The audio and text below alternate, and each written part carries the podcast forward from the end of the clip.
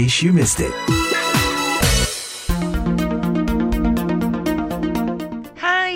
Lagi dengan saya Madioni dalam In Case You Miss It, VOA Washington DC, program yang hadir setiap hari Jumat. Pandemi COVID-19 berdampak bagi kelompok usia lanjut di seluruh dunia, termasuk di Indonesia. Kepedulian terhadap mental dan fisik mereka dari anggota keluarga dan masyarakat serta pemerintah penting agar lansia bisa tetap menjaga kesehatan selama pandemi. Kita akan berbincang-bincang dengan pakar imunisasi dan vaksinasi Indonesia, Dr. Elizabeth Jane Supardi, mantan pejabat Departemen Kesehatan RI, dan Nino Widiantoro, dosen dan psikolog senior Indonesia mengenai kesehatan mental lansia selama pandemi. Segera kita temui Mbak Nino Widiantoro. Secara umum, bagaimana kondisi lansia Indonesia saat ini selama pandemi? Pada umumnya dari apa pengalaman sebentar dalam pandemi ini, mereka itu uh, berupaya untuk bisa beradaptasi dan mengatasi pandemi ini seperti saya itu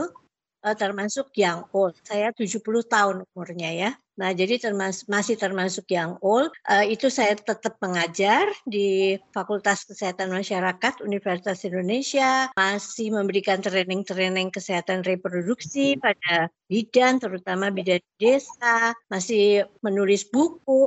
Sebagai psikolog saya juga masih terima pasien. Nah, jadi untuk itu kita beradaptasi dengan mempergunakan teknologi yang baru ya. Kita uh, meeting, training, dan kita melakukan banyak hal uh, di rumah itu yang bisa dibaca dari pengalaman masing-masing lansia di buku yang saya dan Profesor Sapalina Sadeli uh, menyusunnya. Dr. Jane, dari sesi me medis sudah berapa persen lansia di Indonesia saat ini yang divaksinasi? Jauh di bawah dari ekspektasi ya, jauh di bawah 50 persen dari lansia. Jadi ini sebetulnya sangat mengkhawatirkan karena kita tahu COVID pada lansia itu berat, sangat berat. Namun kalau kita lihat dari data-data kasus belakangan ini, justru yang terinfeksi itu justru yang di bawah lansia. Eh, walaupun cakupan imunisasi pada lansia itu rendah, tetapi rata-rata lansia itu mereka patuh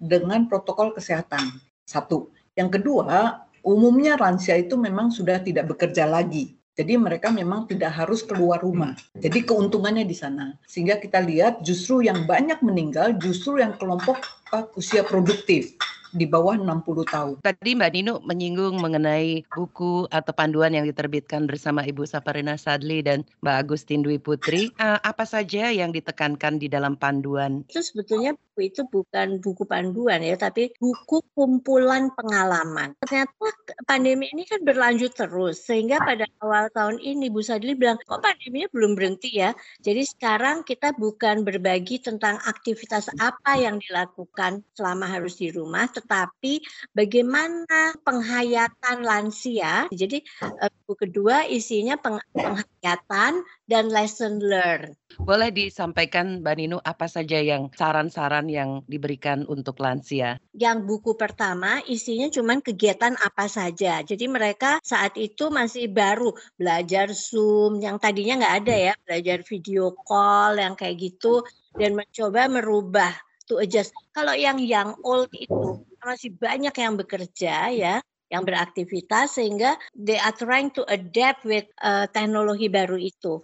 Yang old old yang 75 sampai 84 itu sebagian ada yang begitu tapi sebagian enggak. Tetapi yang oldest old itu memang uh, apa namanya lebih banyak di rumah mengerjakan itu yang susah ya karena mereka kemudian harus mengadjust paling berat untuk lansia ini uh, dalam masa yang mengharuskan lansia harus ada di rumah karena kerentanannya adalah hilangnya kesempatan atau kebebasan untuk berinteraksi sosial. Makin tua ya yang kayak 85 ke atas itu makin makin sangat sulit dan reaksinya tentu berbeda-beda ya karena apa namanya kalau kita bicara soal mental atau kekuatan seseorang dalam menghadapi masa-masa yang sulit ini tentunya aspeknya beda-beda kan e, bagaimana mereka itu tadinya dibesarkan itu mempengaruhi. Nah ke Dokter Jane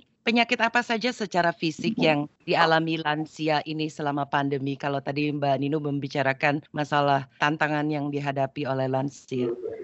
Ya, uh, mungkin kalau dikaitkan dengan COVID ya, uh, jadi umumnya ini ini kurang terlalu tersosialisasikan.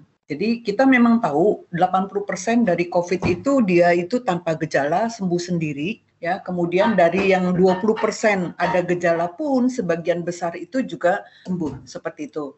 Tetapi yang tidak tersosialisasikan adalah post covid jadi sudah uh, teridentifikasi walaupun ini waktunya masih terlalu pendek ya. Ini kan penyakit yang masih sangat baru. Jadi uh, monitor dalam waktu kurang dari satu setengah tahun itu sudah teridentifikasi bahwa post COVID itu ada banyak organ tubuh yang rusak. Ya, itu jantung, paru-paru, otak. Jadi kalau otak itu nanti bisa seperti stroke, gitu ya uh, jantung itu peradangan dari otot jantung ya. Paru-paru itu apa gelembung-gelembung pada pada paru-paru tempat pertukaran oksigen itu juga rusak sehingga biasanya orangnya menjadi cepat lelah ya. Tidak bisa aktivitasnya menjadi berkurang. Dan kemudian adalah pembuluh darah. Penggumpalan darah yang berakibatkan pada emboli itu bisa nyangkut di otak di jantung di paru. Artinya jangan anggap enteng covid. Jangan sampai kena covid Nah, itu yang kurang terlalu tersosialisasi seperti itu. Kembali ke Mbak Ninu ini, lansia ini sangat terpengaruh dengan um, keterbatasan untuk berinteraksi secara sosial. Salah satu penyebab stres pada lansia di dunia yang jumlahnya satu miliar sekarang ini, menurut WHO adalah kesepian. Tapi ada studi dari salah satu institusi pendidikan terkenal di Indonesia yang mengatakan lansia Indonesia ini tidak kesepian.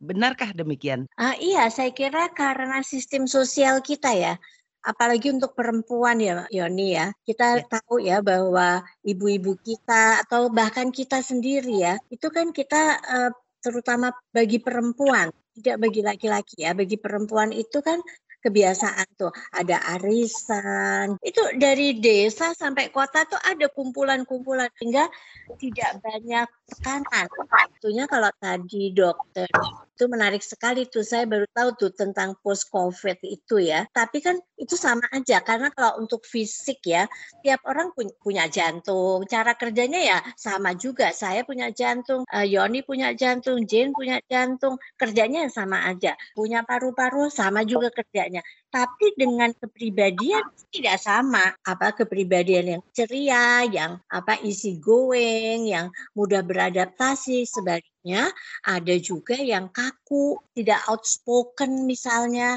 apa milih-milih kalau mau curhat. Nah, yang seperti ini yang rentan terhadap tekanan, stres, loneliness itu. Dokter Jen, secara ya. medis apa yang harus dilakukan untuk meningkatkan kesehatan mental lansia ini? Rata-rata lansia itu sudah mulai konsumsi suplemen. Ini dengan pandemi ini sebetulnya apa konsumsi suplemen itu menjadi lebih meluas ya. Bagus juga ini berarti ya karena ternyata kita banyak sekali ya ada defisiensi atau kekurangan vitamin atau mineral tertentu misalnya ya. Jadi vitamin D itu sebagian besar rata-rata orang Indonesia itu walaupun mataharinya berlimpah sepanjang tahun, tapi ternyata defisiensi atau kekurangan vitamin D itu banyak sekali. Sehingga tidak cukup dengan berjemur itu ternyata tidak cukup. Harus dibantu dengan suplemen vitamin D. Seperti itu ya. Kemudian vitamin C juga uh, kemudian juga makan lebih banyak ke arah buah dan sayur ya jadi kurangi yang ke arah karbohidrat itu kurangi apa yang bisa dilakukan keluarga dan komunitas untuk mengatasi kondisi kejiwaan psikologis lansia supaya mereka bisa bertahan pada pandemi COVID-19 ini? Saya ingin menggarisbawahi bahwa kebutuhan dasar manusia itu adalah berinteraksi sosial sebetulnya gitu ya di mana juga. Nah, sekarang ini memang tak aja ya suka menyebut anak-anak kita itu polisi loh Yoni karena mereka galak sekali gitu. Saya appreciate bahwa anak-anak itu menunjukkan kepedulian dengan melarang ya tetapi sesungguhnya pendekatannya itu yang harusnya ya anak-anak itu harusnya caranya menyampaikan dan harus ada kompromi lah. Uh, komunikasi antara anak dan orang tua ini intinya supaya dua arah gitu loh, jangan terlalu melarang yang menyebabkan sakit hati.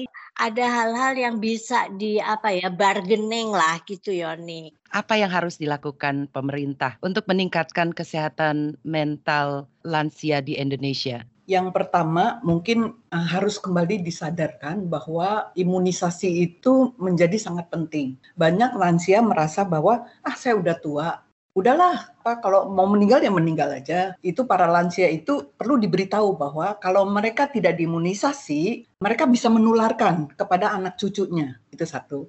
Kemudian juga untuk apa para lansia ini maupun semua ya, hati yang gembira ya, itu meningkatkan imunitas begitu.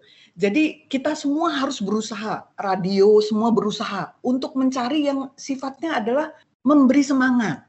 Kita setiap hari ini beritanya sudah semua sedih. Meninggal di atas seribu itu sedih terus. Kasus bertambah naik turun sedih terus gitu. Ini kita sudah satu setengah tahun seperti ini. Nah kita harus terus berupaya untuk meningkatkan imunitas kita itu dengan memberitakan yang berhasil membaik. Mbak Nino, sekarang apa yang bisa dilakukan komunitas untuk mengatasi pandemi ini untuk lansia? Yoni ini nggak gampang menjawabnya seperti satu tambah satu berapa ya, karena yeah. bahagia itu sangat tergantung dari keadaan ya. Kita tahu bahwa sehat itu kan terdiri dari sehat fisik itu uh, yang apa, yang expertnya dokter Jane gitu kan. Ada sehat yang tadi sehat mental atau sehat hatinya gitu ya. Dan health is a total well-being of physical, mental, and social health gitu kan.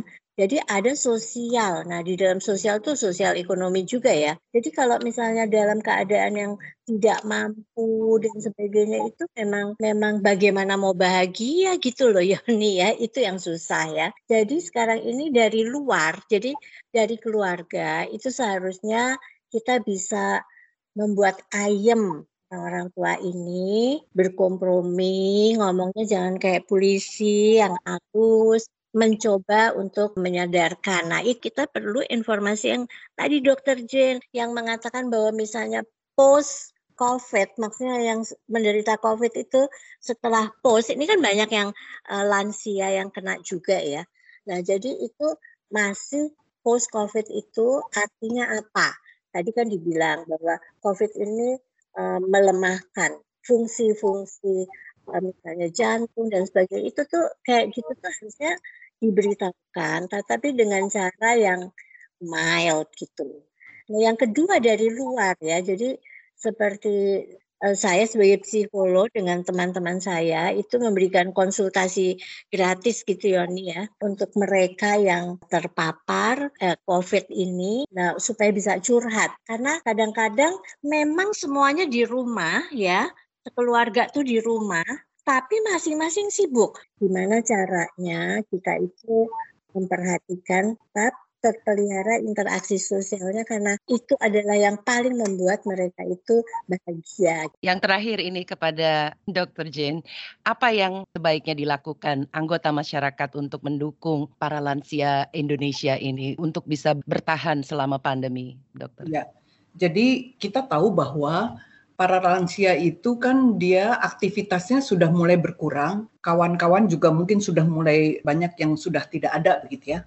Nah, jadi yang muda-muda ini berusaha karena ini yang para lansia ini harus ada aktivitas. Ya, untuk kesehatannya itu perlu ada aktivitas, harus ada gerak. Jadi harus cari kegiatan apa supaya lansia ini ada kesibukan, disesuaikan dengan minatnya. Satu, kemudian juga ini lansia ini harus ada teman. Kita um, mungkin Mbak Nino malah tahu itu. Orang resepnya panjang umur adalah bukannya apa-apa tapi adalah teman gitu. Nah, bikinkan Zoom meeting, dibantu yang muda-muda itu bantu. Baik, terima kasih banyak waktunya Mbak Nino dan Dr. Jane. Nah, Yoni, terima kasih juga. Terima kasih, ya. Demikian In Case You Miss It, VOA Washington DC bersama Dr. Elizabeth Jane Supardi dan psikolog Ninu Widiantoro. Program ini juga bisa disimak melalui podcast kesayangan Anda. Saya Madioni undur diri, tetap jaga kesehatan. Sampai jumpa dalam topik menarik lainnya. Bye! The voice of America. VOA.